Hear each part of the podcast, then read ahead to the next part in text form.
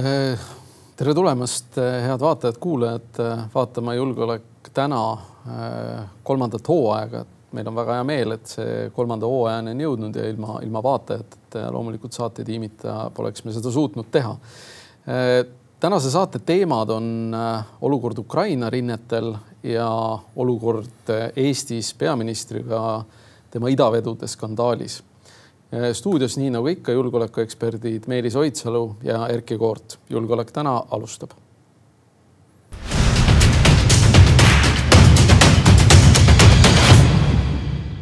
nii, aga esimese asjana käime üle korraks äh, suve, kaks tuhat kakskümmend kolm suve, et millised olid need suuremad julgeolekusündmused või sellist julgeolekut äh, raputavad või toetavad tegurid, mis siis väärivad äramainimist, aga millest me saates eraldi juttu ei tee et äh, minu jaoks on äh, üks kõige suurem selline äh, kognitiivne dissonants eelarve planeerimine, kus me planeerime eelarvet, tegeleme mingi kosmeetilise viiekümne miljoniga, mis ei ole kahtlemata väike raha, eks, kindlasti mitte. aga me tegeleme sellise noh, noh nagu pisiasjaga, samal ajal anname riigiettevõtetele sadu miljoneid noh, ärme anna ja, ja lahendame selle olukorra niipidi ära, et ärme noh, raisata ei tohi, aga ärme siis seda ka tee. ja teine asi, me väljaspoole räägime, kui hull on julgeolekuolukord, aga ise me selle samme sinna suuna ei astu, et meie jaoks on business as usual ja, ja noh, tuua siia näiteks seesama elanikkonnakaitse rahastamise lõpetamine kasvõi sisse. et see on, see on nagu üks minu jaoks. teine, teine asi on, mis natuke seostub, et kui me märkame, siis sellel kevadel alustas tööd selline asutus nagu Kliimaministeerium, eh, kuhu alla koondati päris mitmed eh, olulised tükid siis sellest varasemast valitsusaparaadist ja mille loomine kahtlemata pöörab tähelepanu teatud asjadele, millele võib-olla nii fokusseeritult ei pööratud. aga, aga miks ma sellest rääkida tahan, on, on see asukoht et kui me vaatame täna äh, olukorda Ukrainas, äh, me vaatame seda asukohta, meie pool valitsusaparaadist asub ühes majas. minu arust see on nagu noh, Venemaaga piirneval ja, ja riske hindaval ja ka kriisideks valmistuval riigil üks väga rumal ettevõtmine. ta on majanduslikult kahtlemata Exceli mõttes odav, aga, aga ta on väga rumal. Eh, mitte, et noh, Venemaal nagu rakette puudus oleks, aga, aga seda ka muude vahenditega destabiliseerida, noh, toome siin näiteks on ju selle kongressi ründamise, on, on väga kerge ja sul on sisuliselt pool ministeeriumitest on rivist välja viidud ja noh, kui sinna kõrvale, kõrvalkrundile ehitatakse USA saatkond, nagu praegu see plaanitud on siis selle nagu noh, nagu noh, võib-olla, võib-olla tasuks mõelda, et äkki me kriisides oleme natukene alahinnanud seda, seda kinnisvara seisu. Mu ees seisab endine ametnik ja see tema bürokraadi veri sunnib sõve, suve põrutamata uudiste edetabeli tippu panema eelarveprotseduuride ähm,. aga see mõjutab, see mõjutab meie julgeolekut väga palju. ka administratiivküsimused, et see on, see on ka oluline üldse noh, kui, kui rääkida sellest, et mida koondada, siis tegelikult küsimus ei peakski olema selles, et mingist taristust üldse sõltutakse. superministeeriumis täpselt samamoodi, noh suvel eriti, aga aasta läbi nüüd inimesed töötavad kaugelt ehk siis noh, organisatsioonide lahti ühendamine taristust sõja ajaks võiks olla see eesmärk, mida me tahame saavutada. kuskil meil on need serverid, eks kuskil meil tehakse arendusi, kuskil on nagu ruumid, kuhu kogunetakse kriisi korral. aga endiselt ma kuulen kahte nohikust ametnikku arutamas ei, see, see ei ole vähetähtis. selles suhtes, et miks ma selle nagu noh, ma ei taha, et sellest saab nüüd eraldi teema, aga, aga selles suhtes äh, kaks asja, üks asi, see käitumine et me ütleme teistele, et olukord on muutunud, aga me ise riigieelarve protsessis, mis on noh, mõnes mõttes sa võid nimetada seda tehniliseks, aga annab sisulisi tulemusi ehk et kui palju meil on kriisile reaalselt reageerijaid sel momendil. ja teine küsimus, kuskohast nad reageerivad, et eh, Eesti ametnikkonna või, või riigihalduse soov kõike konsolideerida, noh, kandub üle, noh, seesama Metsküla kooli näide on minu arust ka üks selline näide konsoli-, arutust konsolideerimisest. ja kui ma võtan noh, jälle sinna juurde kriisid, noh, kuidas lahendati Padaorg, eks kaks tuhat kümme E, neid inimesi ei viidud kuskile superministeeriumi poolt eh, nagu fuajeesse, eks puhkama. Need viidi sinna lähedal asuvatesse kultuurimajadesse, lähedal asuvatesse koolidesse.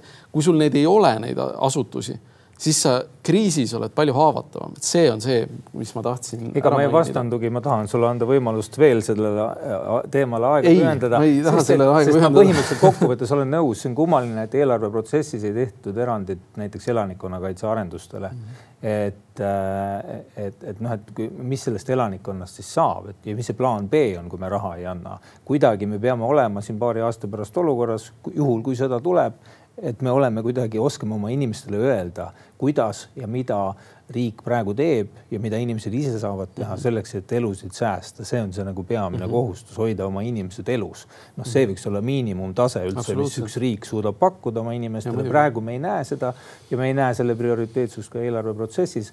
aga kui nüüd tulla noh, selle sündmuste edetabeli juurde, siis kindlasti Prigožini hukk mm -hmm. oli ka Eestis nii-öelda turvaintsident selles tähenduses, et, et testiti meie ohu diagnoosimise ja kommunikeerimise süsteemi. selle sündmuse noh, erakorralisus meie jaoks tulenes ka sellest, et meil oli riigipüha jälle ja seetõttu inimesed olid kontorist eemal ilmselt ja nii edasi ja see paistis ka välja natukene riigi ohukommunikatsioonist või mm -hmm. diagnoosist olukorrale. kolm erinevat diagnoosi tuli selle kohta, noh, kas see olukord on läbi, kestab, on see millegi muu algus üldse või et millega siis tegemist, tegemist oli, kas riigipöördekatse või siis ebaõnnestunud siseriikliku sellise noh, sõjalise operatsiooniga lihtsalt regionaalsega. et, et kui, kui, kui sellisel tasemel tuleb nii palju erisignaale, noh, et siis noh, ilmselt on seal mingi õppimise koht, ilmselt õpitakse ka. no loodame selles suhtes, et need asjad, mida me siin räägime, ei ole nii-öelda pingerea järjekorras, eks, et, et Prigožinist rääkides veel ega me tegelikult siiamaani ei tea, mis asi see oli, kes selle korraldas. Äh, osa sellest teadmisest kindlasti Prigožin võttis endaga kaasa. aga noh, fakt on see, et, äh, et ta ei äh, noh, ei ärganud ühel hommikul üles ja ei mõelnud, et oh, nüüd sõidaks Moskva peale. see on selge, et see, kuidas see olukord toimus Rostovis, see, kuidas see sõit läks Moskvasse noh, võt-, võtkem see, et see on, see on pikem maa kui Tallinnast Vilniusesse et äh, ja, ja selle noh, jooksul sisuliselt ei juhtu mitte midagi. jah, mõned kopterid lasti alla või vähemalt meile on näidatud kopterirususid mm. ega noh, sada protsenti jälle, et, et me, me jääme nagu nendes ka selle Prigožini loos hästi palju Vene ametliku info lõksu. see, mida ütles Putin, see, mida ütles Itar Tass või noh, Tass praegu on infoagentuur me, me kasutame neid samu narratiive, aga ometigi me teame, et Putin on eh, läänele valetanud eh, kolmkümmend aastat varsti või kakskümmend aastat varsti juba või rohkem kui kakskümmend aastat ja, ja, ja ka see ametlik propaganda noh, ei, ei räägi tegelikult seda, mis tõesti juhtub. ja, ja infotarbijale soovituseks ka, et kui on näha selliseid või on kahtlusi, et kas mingisugused sündmused on lavastatud või päris alati tasub guugeldada, et millised on olnud USA või Ühendkuningriigi luure äh, diagnoosid. Äh, et nemad on pannud kõige, andnud kõige selgemaid ennustusi ja diagnoose Ukraina sõja puhul mm, -hmm. kui seda sõda vaadata, et ilmselt noh, Vene, venelaste juures on head allikad ja mm -hmm. kui nemad kinnitavad mingi asja nii-öelda tõenäolist sün-, sün-, äh, aset leidmist, et siis see nii ka ilmselt on. nii järgmine teema, mis on äh, nagu üksikküsimus, jälle niisugune ametnikkonna üksikküsimus, aga mis kindlasti äh, on oluline, et äh, kaitsepolitseis vahetus peadirektor sellel suvel. Äh, Arnold Sinisalu, kes kümme aastat peadirektor oli, enam jätkata ei saanud, kuna seadus seda ei luba. ja, ja Margo Vallos on siis asus ja, ja sai ka oma esimesed kohe tuleristsed, tuleristsed, millest me räägime järgmises saate osas Äh, Venemaa kodanike valimisõigus on kindlasti see, mis suvel kirgi küttis ja mis on kahtlemata oluline. Äh, mäletatavasti aastaid tagasi oli diskussioon selle üle, et kas Venemaa kodanikud äh, peaksid saama omada jätkuvalt Eestis relvaluba. toona see jäeti, mis nüüd siis lõpuks likvideeriti, eks see, see olukord, et et vist selle aasta lõpuks äkki peab olema need relvad kokku korjatud, igatahes aeg anti päris pikk, aga vähemalt otsus tehti ära. aga, aga see valimisõigus noh, on kindlasti oluline teema, see ei ole noh, sellesse ei tohi kindlasti suhtuda kergekäeliselt ja, ja mina loodan küll, et see lahendus leitakse. valimisõiguse puhul muidugi noh, soovitaks ka justiitsministrile ja valitsusele, et ikkagi igal võimalusel luua läbipaistvust mm -hmm. süsteemi. et kui seal äh, selle eelnõu puhul või selle ettepaneku sisulise äh, õigusliku lahenduse ettepaneku äh, osas, mis nüüd valitsuskabinetis vist ära käis või läheb alles, et kui selle autorid on väljaspoolt justiitsministeeriumi si- ja nad on ainult nii-öelda eksperdid, kes pakuvad ekspertteenust, siis ei ole mingit põhjust, miks valitsus ei võiks seda analüüsi ja selle tulemusi tutvustada avalikkusele. Äh, et ei ole mingit põhjust oodata ära valitsuse istungit, noh, et mida õiguslikult või õigusliku ekspertiisi osas saab lisada sinna, kui see ei ole just õiguskantsleri seisukoht, mida ta tavaliselt ilmselt noh, nii väga valitsuse istungil suuliselt ei anna, vaid kirjalikult mm. -hmm. et siis tegelikult ei ole ühtegi põhjust, miks lihtsalt analüüsi Äh, tuleks kuidagi salastada, et see lööb niisugust äh, usaldamatust, seda enam, et valitsevat juhtivat erakonda ikkagi kahtlustatakse, et see on neile poliitiliselt kuidagi kasulik. Noh, meenutame no,, et ka kärpe, kärpeplaanid on äh, praegu AK märkega, et. ja noh, selliste tundlikkuste suhtes me, me näeme, kui tuimad oravad on praeguses selles Kaja Kallase kriisis täpselt samamoodi. Lähme järgmise teema juurde. Kadrioru ja rahandusministeeriumi tüli mis no, jättis kindlasti kahtlemata jälje, et äh, oli arusaamatu kõrvalt vaadates, pean tunnistama äh,, igasugused üleskutsed, et nüüd tuleks kõik kirjalikult teha ja ja kuskil äh, vastuvõttude servadel enam äh, midagi rääkida, ei rääkida, rääkida ei tohi, siis äh, noh, terve Brüssel toimib veiniklaasi taga, et, et noh, et ärme nüüd vinti nagu üle keera, et eelarvestajad ja need, kes otsustavad eelarve üle või teevad ettepanekud, nad on pideva turmtule all. Nad on, neil on hallata korraga noh, mingisugune võib-olla viis-kuus sellist suuremat tüli või, või, või vinduvat vastasseisu, äh, kus mängitakse ka mingeid paleemänge nende vastu. et see noh, üks väikene episoodiline tüli kahe inimese vahel seal Kaitsepolitseiameti äh, äh üritusel, et see on noh üks võib-olla kümnetest või sadadest, mida meie avalik teenistus näeb, mis samasuguse intensiivsusega on. ja seal ilmselgelt ka ajastust vaadates oli noh, rahandusministeeriumi valik anda see info eetrisse. Ja nüüd äh, küsimus ikkagi olukorras, kus tegemist ei olnud selliste ärajook-, ära karanud äh, revolutsionääridega, kes noh, äh, lahkuvad süsteemist ja siis hakkavad nii-öelda avalikkust mm -hmm Äh, äh, valgustama ja kuidagi ka võib-olla noh, üritavad survestada, eks ole, süsteemi. Vaid tegemist oli selle süsteemi, süsteemi hoidjate, jätan kommenteerimata selle, et süsteemi hoidjate nii-öelda, kes selle eest vastutavad, selle tervikluse eest, et kui nemad hakkavad samu, samu meetodeid kasutama, et siis nagu midagi läheb kuskil katki.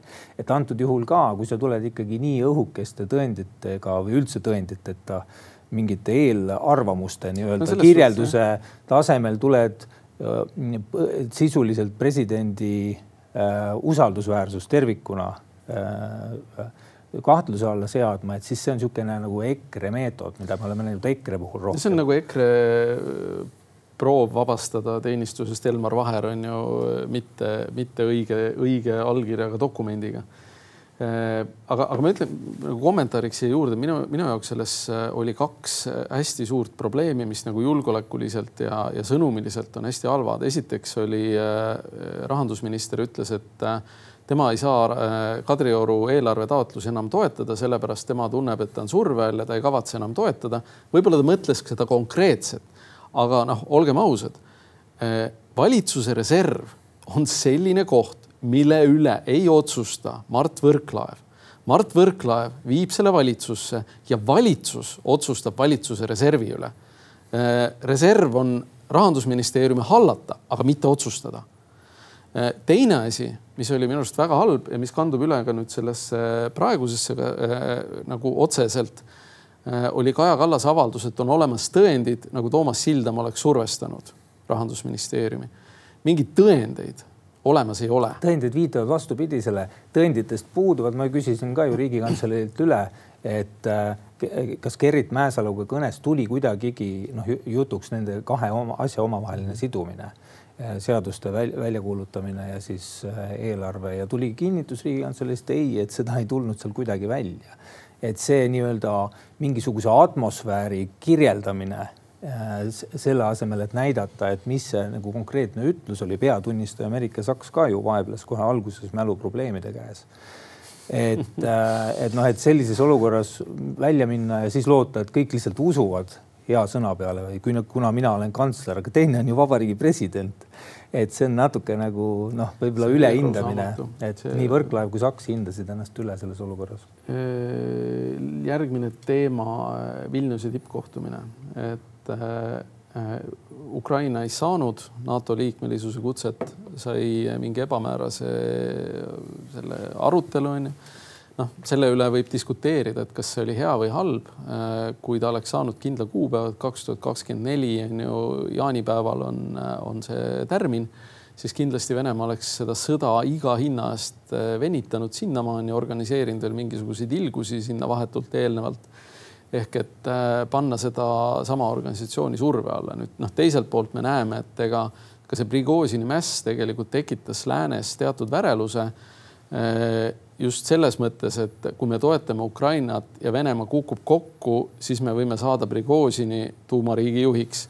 Äh, ja, ja see on üks põhjus, miks ma arvan, et, et see eriteenistustel oli selle Prigožini mässu organiseerimisel väga teadlik roll ehk näidata läänele, kui te jätkate Ukraina relvastamist, võib juhtuda see ja juhul, kui tuleb võimule keegi peale Putini, siis äh, juhtub veel teine ja kolmas asi. aga minu arust äh, Aivo Orav, et meie suursaadik Brüsselis ütles selle kohta väga hästi, et äh, et noh, et äh, paljud lääneriigid kardavad, et võimule tuleb, äh, Venemaal tuleb võimule segane, et, et noh, et kas Putin on normaalne inimene ja Medvedjev, kes üle päeva ähvardab tuumarelva. no ilmselgelt see Vene riigi lagunemise oht, äh, mis on ka reaalne tegelikult, et see teeb muret ka Washingtonile ja on ka Washingtoni Ukraina sõjapoliitika üks peamiseid kammitsejaid ja noh, küsimus iseenesest on legitiimne ja, ja see võimalus ise noh, ütleb meile, et lähema kahe-kolmekümne aasta sees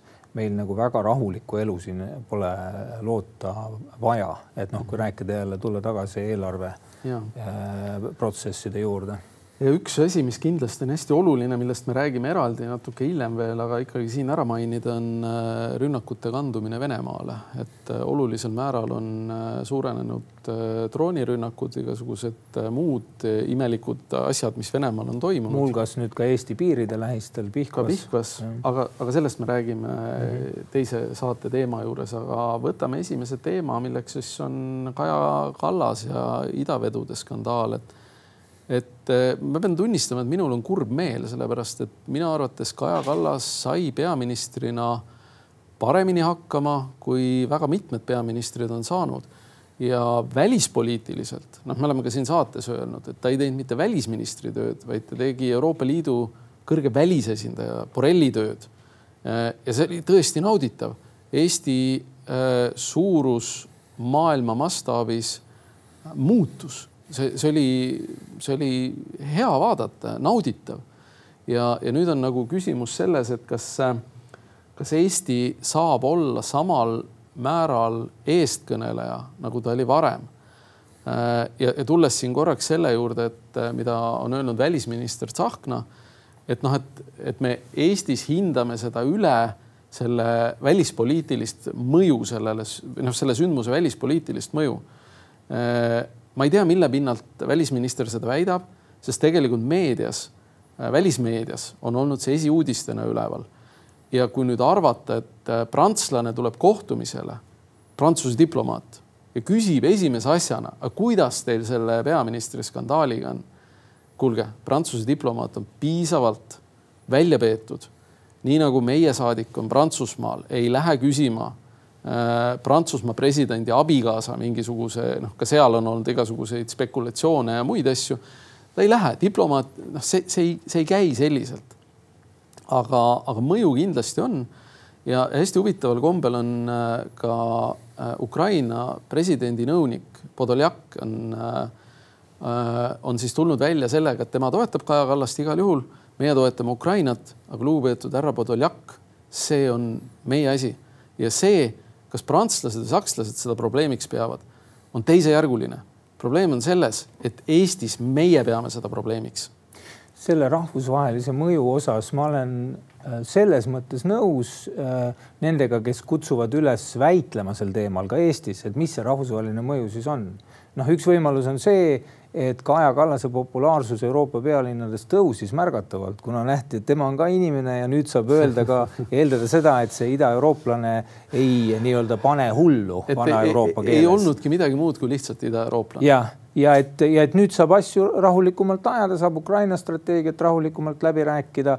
et kokkuvõttes on ka see noh, võimalik tee edasi. mind huvitab, mida räägib Tsahkna ise äh, nii-öelda välisdelegatsioonidega kaamerate väliselt kohtudes, mida räägivad Eesti diplomaadid, kas neil on mingisugused nii-öelda jutupunktid antud, et noh, jumal hoidku, et seal ei hakata kuidagi lihtsalt mingeid hinnanguid andma, mis kas siis soodustaksid või hullemaks teeksid seda äh, praegust äh, olukorda. iseenesest äh, on see Kaja Kallase, palju see ajaliselt on juba kestnud, siin on tõesti paar nädalat, paar nädalat kestnud selline, ütleme, vabas stiilis toimetamine peaministrina kommunikatsioonialaselt ka, et see on inimlikult pakkunud väga palju huvitavaid seiku Äh, sissevaateid ka Kaja Kallase, eks ole, isiksusse, kuidas ta kriisi puhul käitub, millised on tema võib-olla nõrgad küljed ka juhina, ma pean silmas. see on hästi ja. huvitav, vaata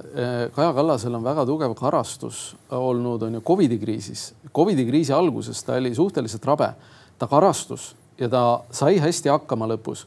Äh, Ukraina kriisis ta sai hakkama, aga erisus nüüd selle kriisi puhul on see, et see on hästi palju isiklik kriis no see on äh, see, kuidas ta tõesti nii-öelda, ma olen seda juba korranud, aga mitte halvustavalt üteldes, aga kuidas ta ikkagi avalikkuse ees ära lagunes mhm. peaministrina, et kes ei suuda ka lühikesi kõneakte kontrollida noh, see, mis toimus seal memoriaali juures kahekümne kolmandal augustil oli kontrollimatu ja naljakal kombel see kontrollimatus kordub ja noh, siin ongi küsitud, et kas see on teadlik siis, et noh, et kui selles mustris juba oleme, paneme siis lõpuni välja, et selline kontrollimatus või katkendlikkus ka loogiline sisuline vastuolulisus Vikerraadio saates käis ju äh, peaministri saates Kallas rääkimas ja mm -hmm. rääkis endiselt, andis vastuoluliseid väiteid selle kohta, et et, et mida veeti ja, ja, ja, ja keda teenindati või kas seal üldse mingid nii-öelda Vene majandusega mingid seot-, seotust olid.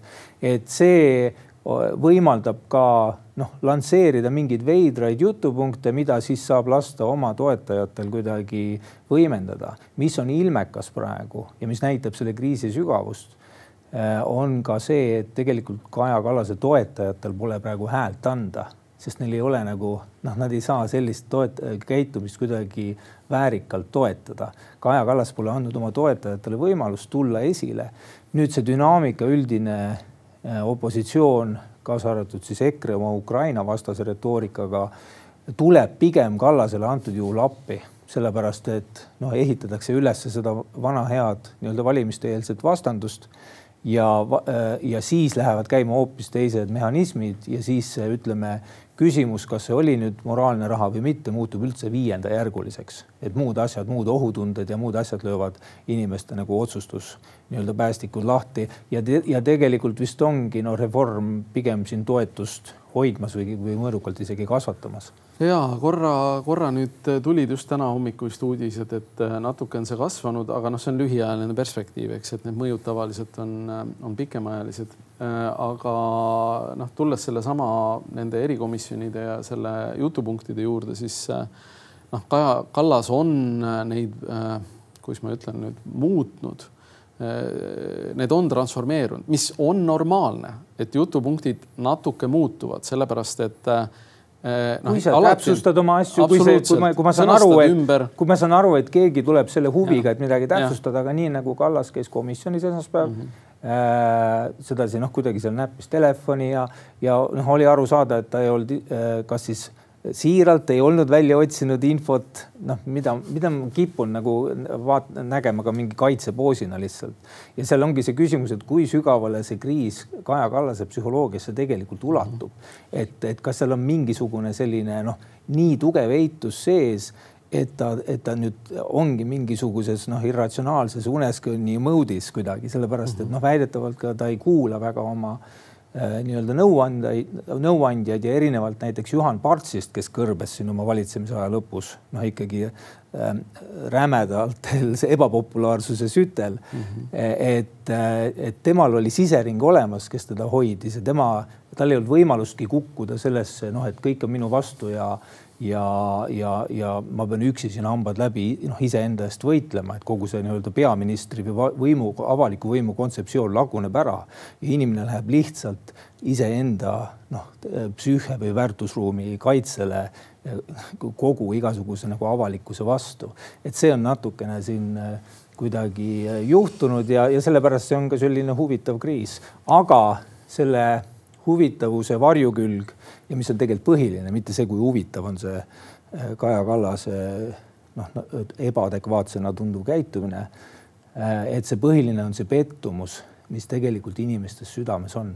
et noh, ma ise olen analüüsinud enda tundeid sellega seoses, et äh, noh, raske on natukene, et, et mingid asjad ja need sõnad, mida ka Kaja Kallas välismaal ütles, tegelikult ütleme eestlaste jaoks natukene, võib-olla ma lähen siin härdaks oma väljenduses aga palun, ta, ta oli ikkagi, ta meenutas natukene sellist ärkamisaega, laulupeo kõnesid. noh, mõtle, kui oleks kohe tulnud välja pärast seda Heinz Valgi mingisugust kõnet, mingisugune muu fakt, ma ei hakka siin analoogiat tooma, mis oleks näidanud, et ta tegelikult vist noh, nii väga ei usu nendesse asjadesse, et natuke sama sarnane tunne on hetkel ja, ja, ja, ja Kallas ei võta seda sel tasemel professionaalselt sisse, et ta ei tegele selle probleemiga üldse vaid ta keskendub ainult iseenda mingisuguse noh, isikliku enesekuvandi kooshoidmisega praegu siin avalikkuse ees. siin on, see on, ma, ma tooks sellise võrdluse veel, et äh, et kunagi, kui oli küsimus, et Andrus Veerpalu jäi dopinguga vahele, siis algatati liikumine, eks usun Andrus Veerpalu. ja mis siis selgus, on ju, et, et lõppkokkuvõttes äh, selgus see, et äh, mingisuguse vere võtmise või proovi võtmise protseduuri oli rikutud ja selle tõttu mõisteti Andrus Veerpalu õigeks. me teame, kuhu see viis, see viis äh, veretopinguni, eks, millega oli äh, seotud päris palju Eesti suusatajaid, kaasa arvatud Andrus Veerpalu poeg.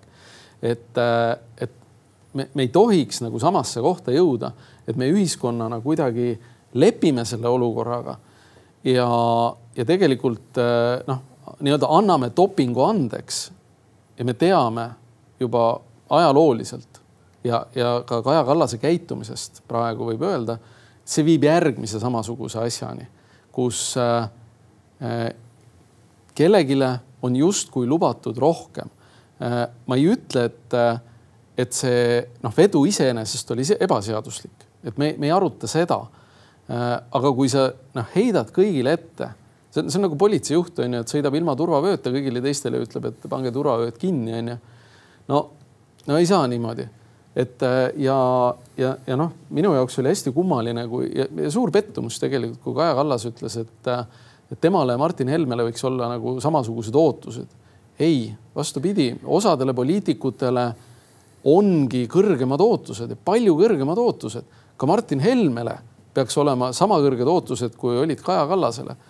see, et ta sealt iga kord üle ei roni või, või kuidagi selle noh, alla vett laseb, see on teine asi aga, aga seda nagu ei noh, see, see on väga kurb. no poliitikas on ka nii, et kui sul on võim ehk siis valijate toetus endiselt olemas, siis sul äh, autoriteeti pole vaja, vähemalt mõnda aega sa saad niimoodi opereerida. Kaja Kallas niikuinii noh, räägitakse, et otsib endale järgmisest aastat exit'it kuhugi kõrgemale. Et senikaua suudab võib-olla kuidagi selle asja koos hoida, siis tuleb järglane, on selge see, et Reformierakonna seest ei taha tulla keegi Kaja tapma praegu, et mitte seda viha endale saada. Ja, ja noh, üldiselt tundub, et see, see, see järglaste teema on veel natukene toores üldse seal Reformierakonnas, noh vi, vi, visuaalia on selline no,, võib-olla on kõik juba selge. tuleb arvestada seda, et mida kauem see porgandite koorimine kestab seda vähem šanssi on ka Kaja Kallasel saada kuskil Euroopas mingisugune mõistlik ametikoht. et, et selles suhtes noh, ikkagi minu arust on ülioluline tegelikult sellest kriisist nii Kaja Kallasel peaministrina, abikaasana kui ka meile ühiskonnana välja tulla, sest mida see kriis täna teeb, ta viib meie fookuse täiesti teise kohta ja see on see koht, kuhu Kaja Kallas on lambiga noh, valgust näitamas. me ei näe, mis seal toimub ümber ja, ja see on probleem ja sellises julgeolekuolukorras on sellise eh,, kuidas ma ütlen eh,, eh, olulise ja samas ebaolulise asja kestmine väga problemaatiline, et, et see on suur nagu väärtuste konflikt. aga ta on tegelikult äh, suhteliselt noh, ma ei taha öelda, et praegu ilmselt enam mitte lihtsasti lahendatav, aga noh, võrrelduna Eesti majanduse ees seisvate väljakutsetega või mingisuguste muude väljakutsetega on ta noh, ikkagi oluliselt lihtsam. kummalisel kombel on näiteks Delfi meediamaja olnud isegi võib-olla järjekindlam Kaja Kallase lahkumise äh, nõudmisel kui teised äh, meediamajad äh, ja natuke on siin ka Reformierakonna sees tulnud noh, rahulolematust ajakirjandusega et mis te siin küsite küsimusi ja et kas te nüüd liiga selle usaldamatusega, pimesi usaldamatusega üle ei pinguta. aga see kõik, seda kõike toidab see lähenemine, et me ei anna teile infot, miks teil seda vaja on. ma ei saa aru, milles mind süüdistatakse. see oli eriti naeru. et see on nagu Barbi film, eks ole, mingisugune mingi, mingi, mingisugusel äh... Eesti versioon sellest, et, et, ähm, et see, see küsimus ongi äh, noh, kokkuvõttes ikkagi selles et kas me saame mingi elementaarse usalduse taseme Kaja Kallase sees kuidagi taastatud niimoodi, et peaminister Kaja Kallas usaldab, usaldab jälle inimest, kelle nimi on Kaja Kallas.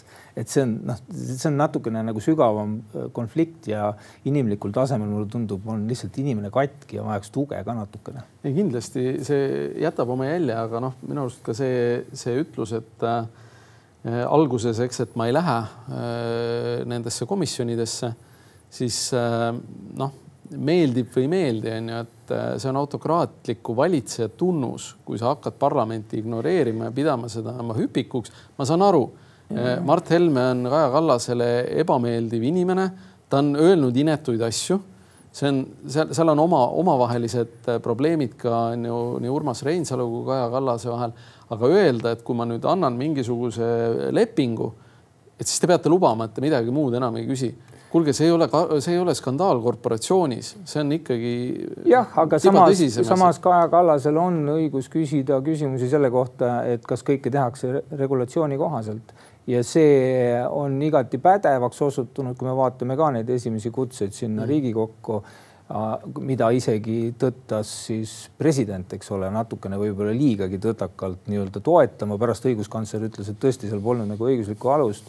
et see, et üks äh, nii-öelda kaitsealune avalikkuses ka küsib küsimusi selle kohta, kuidas seda asja uuritakse, nii nagu juhtus erikomisjoni istungil ka iseenesest on legitiimne ja seda võimalust peab pakkuma ka Kaja Kallasele, kes see, noh, lihtsalt, lihtsalt ei halda ennast praegu hetkel see, ära. see on, see on õige, et, et see peab olema legitiimne, aga äh, ma väidan, et meie parlamentaarne planeerimine, kui noh, ütleme üheksakümnendatel ei osanud ette näha sellist olukorda, et me peame sellisel juhul peaministri parlamenti kutsuma. see on nagu see probleem, et. Äh, selles osas ma olen täiesti nõus ja kõiki neid komisjoni tralle ja nii edasi, kogu seda kriisi on venitanud ainult Kaja Kallas ise, mitte keegi teine, et see, see öelda, et on kuidagi meedia ülal hoitud asi, ei ole, et, et noh, kui su valitseja ei suvatse üldse nagu noh, elementaarsel tasemel selgitada nii elulisi konflikte tema enda sees, et siis see ei ole avatud valitsemine enam. ei, kaugel sellest ja, ja tegelikult äh, noh, tulles korra veel sellesama porgandite koorimise juurde, siis, äh, siis äh, noh, seesama sõnum, et mida kauem see kestab, seda halvem see Eesti ühiskonnal on, ma ei räägi isegi mainest kuskil Prantsusmaal või Saksamaal vaid see on Eesti ühiskonnale probleem, sest sellel ajal me tegeleme vähem eh, ka avalikult olulisemate asjadega.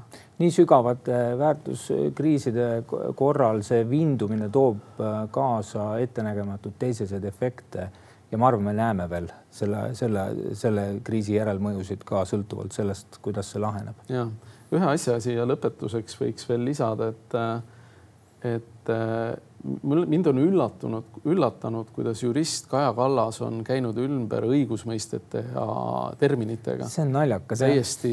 see, kuidas ta no. räägib julgeolekukontrollist olukorras, kus talle lihtsalt väljastati noh, minevikus läbi viidud julgeolekukontrolli eest, ma saan aru, Pallos on eile ütles, et kahekümne esimesel mhm. aastal viidi läbi julgeolekukontroll, mitte nüüd, nagu Kaja Kallas ütles ja. värskelt. lihtsalt selle eksisteeriva no, julgeolekukontrolli pealt, varasema pealt anti paber, mis on igati seaduslik.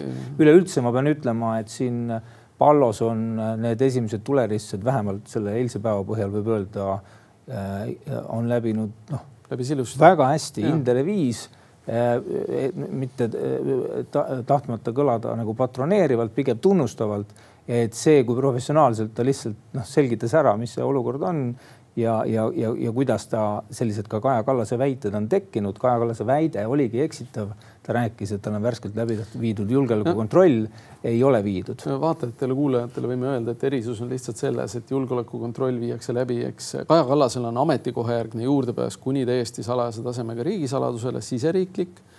Äh, selleks ei viia ei peaministri, ei ministrite, ei Riigikogu liikmete suhtes läbi mitte ühtegi toimingut, julgeolekukontrolli toimingut kui need isikud taotlevad juurdepääsu NATO või Euroopa Liidu teabele siis viib tavaliselt kaitsepolitsei läbi selle kontrolli ja selle sertifikaadi annab välja Välisluureamet ehk et. Äh, ja seal on omad demokraatia kaitsmiseks on seal ja. siis mingid nõuded, et sa ei saa kogu aeg nii-öelda peal istuda ja värsket infot peale võtta, vaid mingi perioodi vältel teed. Need piirangud on seatud selleks, et kapo julgeolekuasutus ei istuks liiga igapäevapoliitikas sees, ka selles infovoos sees oma jälitusõiguste ja muude asjadega. ma lihtsalt äh, siin üks väide, mis on ka kõlanud, et Kaja Kallas on öelnud, et julgeolekukontroll tehti nii temale kui tema abikaasale, siis ma ei suuda näha ette ühtegi põhjust, miks tema abikaasale oleks julgeolekukontrolli mitte pidanud, vaid saanud teha, sest äh, ta ei ole ühelgi sellisel ametikohal ja teiseks Äh, noh, abikaasa institutsioon ei ole selline,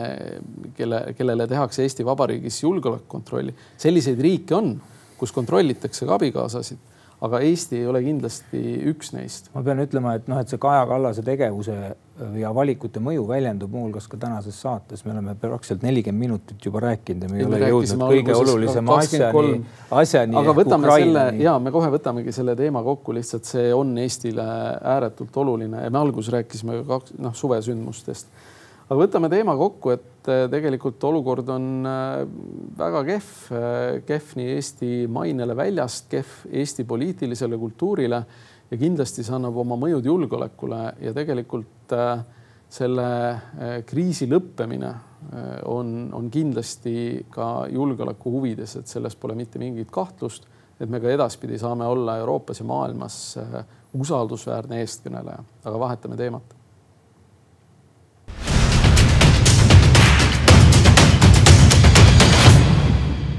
nii meie teine teema, äh, olukord Ukrainas. Äh, vastu pealetung praeguseks on äh, teatedeks sellest esimesest Surovikini liinist läbimurdmisest. palju on räägitud sellest, et kas ukrainlased kasutavad seda taktikat, mida neile on õpetatud. väidetavalt, kuna noh, õpetati suurte väekoondiste koostööd, Ukraina püüab seal väikeste jalaväeüksustega hakkama saada. samas ukrainlased ise on öelnud, et suured väekoondised ei toimi sellel äh, territooriumil, sest see on nii mineeritud, nad ei saa tanke peale saata.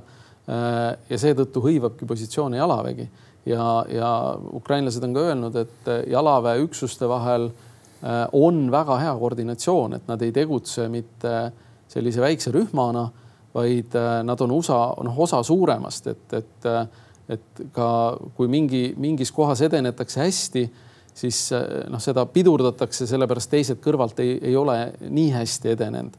ja, ja noh, me teame, eks, et, et lääne sõjaväed ei ründaks niimoodi ilma õhutoetuseta, et nii Afganistanis kui Iraagis tegelikult ikkagi ameeriklased ju eh, andsid õhulööke väga pikalt enne, kui maavägi sisse läks siin kevadel, kui Venemaa tegi ulatuslikke ettevalmistusi ja kaevikuid kaevas ja neid kaitseliine rajas, et äh, oli palju itsitamist. noh, mõeldi, et mis, et esimeses maailmasõjas no, oleme. ukrainlased tuiskavad üle sealt. ja, ja et sellest kõigest tuiskab üle.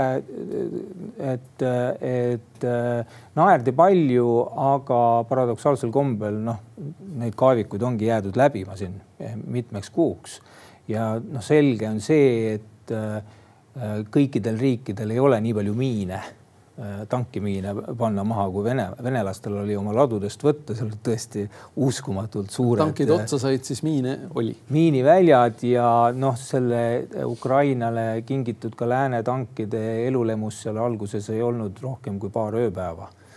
et ja see ongi noh, tõde, ma ei tea, teises maailmasõjas vist äh, kaks nädalat kestis üks tank, et see, kui me räägime siin, et äh, annetame sada tanki, eks ole, et siis me peame igaühe nad korrutama kahe nädalaga, vaatama, palju tegelikult nagu ajaliselt sellest, selleks kasu äh, on, et see kulu on olnud suur, ukrainlaste kogu selle vastupealetungi vähe. Probleem on see, mida öeldi ka siin kevadel juba, see ei ole niisugune tagantjärgi tarkus analüütikutel, et kui sa äh, paned NATO doktriini järgi tegema suuri manöövreid äh, väe, mida on õpetatud välja kolm nädalat kuskil mm. ja noh, kus puudub tegelikult see kaaderkoosseis ja kogemus ja üldse mingisugune arusaam ka noh, ütleme soomusüksuse tasandil eh, tegutsemiseks natukenegi sügavam, et siis noh, ongi rida väikseid päri... katastroofe ja, ja, ja noh, nüüd ongi öeldud ka, et on ikkagi ära lagunenud see struktuur, mida ennustati, aga see ei, ei tähenda, et see sõda on kuidagi ebaõnnestunud.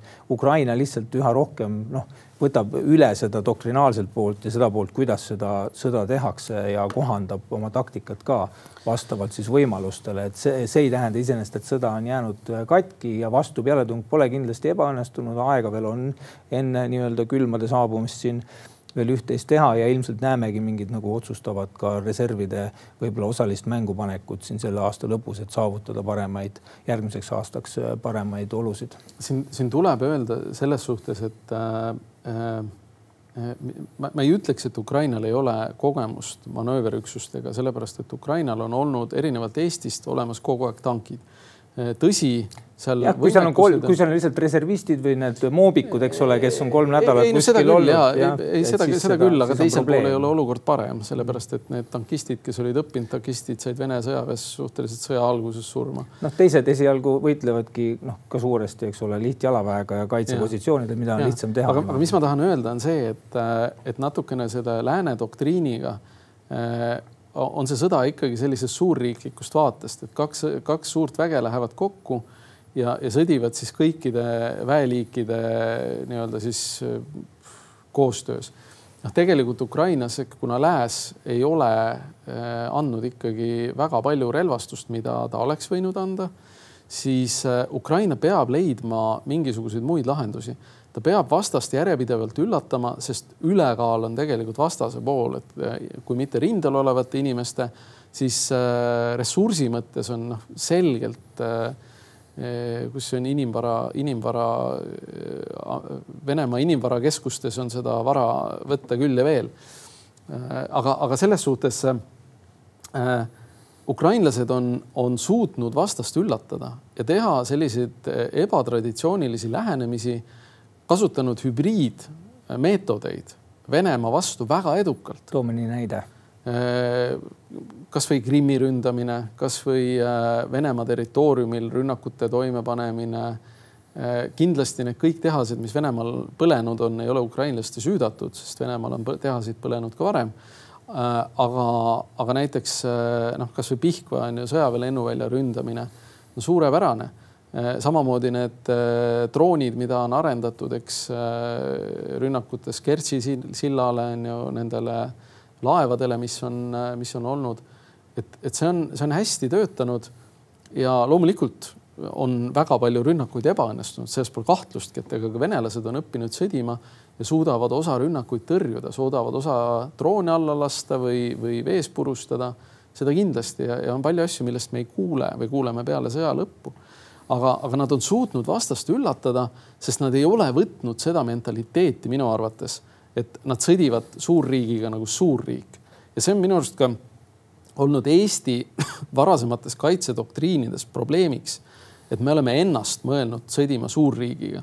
kaks äh, suurriiki lähevad kokku, me ei ole suurriik, me peame leidma mingid teised vahendid ja üks vahend on kindlasti droonid, kaasa arvatud meie piiri lähedal Pihkvas. mis siin suve jooksul veel on muutunud, kui vaadata siin ajalist muutust äh, või, või seda perioodi, siis äh, USA-s on valimised lähenemas. USA elanikkonnast äh, natuke üle poole arvab juba, et on juba antud küll Ukrainale ja et ei peaks seda konflikti pikendama, seal ka täiesti mõistlikud inimesed mingites podcast ides äh, räägivad seda juttu, et noh, et kui see lõpplahendus ei ole niikuinii sõjaline, sellepärast et mis saab nendest äh, venelastest, kes seal Krimmis on, kas me teeme siis seal nii-öelda etnilist puhastust? Et see ei ole kõik nagu mõeldamatu, et las nad teevad oma nii-öelda sõjalise sellise operatsiooni nüüd lõpuni, nii palju kui nad saavad ja ülejäänud peaks olema poliitiline lahendus ja me peaks juba täna looma tingimusi, et see poliitiline lahendus tagaks siis äh, Ukrainale noh, mingi osa territooriumide taga, äh, tagastamise. see jutt on üha rohkem äh, tulnud ähm, eetrisse ja seda me näeme, seda arutelu näeme tihenemas nüüd sinna kõrvale on hädasti vaja seda liini, mida on, eks ole, noh, Kaja Kallas seni ajanud. seda liini on vaja jätkata ka majandussõja valdkonnas. me noh, oleme näinud, et need äh, majandussõja meetmed väga ei ole takistanud sõda jätkamast äh, Venemaal, teinud kulukamaks, võib-olla aeglasemaks, raskemaks mingid asjad ja otsused, aga põhimõtteliselt nad ei ole toiminud ja, ja seetõttu noh, igasuguste embargode ja muude sellise lausalisemate meetmete surumine oleks noh, praegu hästi oluline, et see debatt vähemalt üleval oleks. ja kui seda nüüd ei suuda Kaja Kallase valitsus ette võtta ja teha, et siis on äh, probleem, kui nad leiavad mingi mooduse, kuidas neid kahte asja, Kallase väikest kriisi ja siis seda Ukraina olukorda üksteisest lahendada, siis noh, sellega peaksid inimesed tegelema. aga, aga jah, et põhimõtteliselt me näeme, et läänel hakkavad ressursid mingi aeg ikkagi otsa saama, sest ei ole tööstussuutlikkuses kohandumist olnud sellist proportsionaalselt, ka Ameerikas mitte. kuigi on siin mingeid tehaseid, eks ole, lääne firmade abil ka avatud ja remondibaase, kaasa arvatud Ukrainas et, et me näeme üha enam, et tuleb see jutt, et noh, et ükskord me peame niikuinii läbi rääkima, et mida me saame noh, pigem varem selle asja lõpetamiseks ära teha. üks asi, mis kogu selle sõja käigus on saanud kannatada maailmas üldse, on igasugused humanitaarkaalutlused sõjalise sekkumise osas. noh, see humanitaarne pilt, pilk või pilt, mis seal avaneb, see on õudne, see on õudsem kui õudne see, see on nagu mõeldamatu, mis seal tegelikult toimub, me ei näe seda praegu nii ometigi, palju enam. ometigi teatas mingi raportöör, et tõendeid genotsiidi kohta Ukrainas ei ole. ja, ja, ja, ja, ja me ikkagi istume selles noh, algselt Bideni äh, administratsiooni poolt antud nii-öelda äh, tri, kaalutluste triaadis, seal on see, et, et aitame Ukrainal võita, hoiame ära sõja NATO-ga ja, ja hoiame Venemaal režiimi, riigi enam-vähem koos nüüd on selgunud ikkagi, et see Ukraina nii-öelda sõjaline võit on seal pigem teisel või kolmandal kohal. et äh, NATO-ga konflikti vältimine ja selle Vene riigi tuleviku pärast muretsemine on pigem kõrgemal. see on kasvanud ka peale Prigožini kindlasti. ja sellega ja, ja sellega on on suuri muresid üldiselt, sellepärast et noh, mis meid terendab, terendavadki siis mingisugused otsused, mis peavad silmas konkreetsete presidentide või riigipeade valitsemisaja lõppu ja poliitilist valimistsüklit pigem kui nagu noh, regiooni huvisid tervikuna. ja ei, selles ei ole kahtlustki, et Vene planeerijatel on äh, Euroopa ja lääneriikide valimiskalendrid seina peal, kus nad vaatavad äh, seda olukorda. aga tõmbame täna saate kokku, et äh, selline sai meie kolmanda hooaja esimene saade. täname vaatamast-kuulamast. Ukraina kriis kindlasti või sõda läheb kindlasti edasi Äh, ükskord tuleb kindlasti ka poliitiline lahendus, aga alati on see küsimus, mis positsioonilt see tuleb. ja teine asi, noh, loodame, et äh, Kaja Kallase idavedude kriis ei, ei äh, liigu edasi hullema poole selles mõttes, et see Eestit veel rohkem kahjustaks. aga tänan vaatamast-kuulamast ja ilusat päeva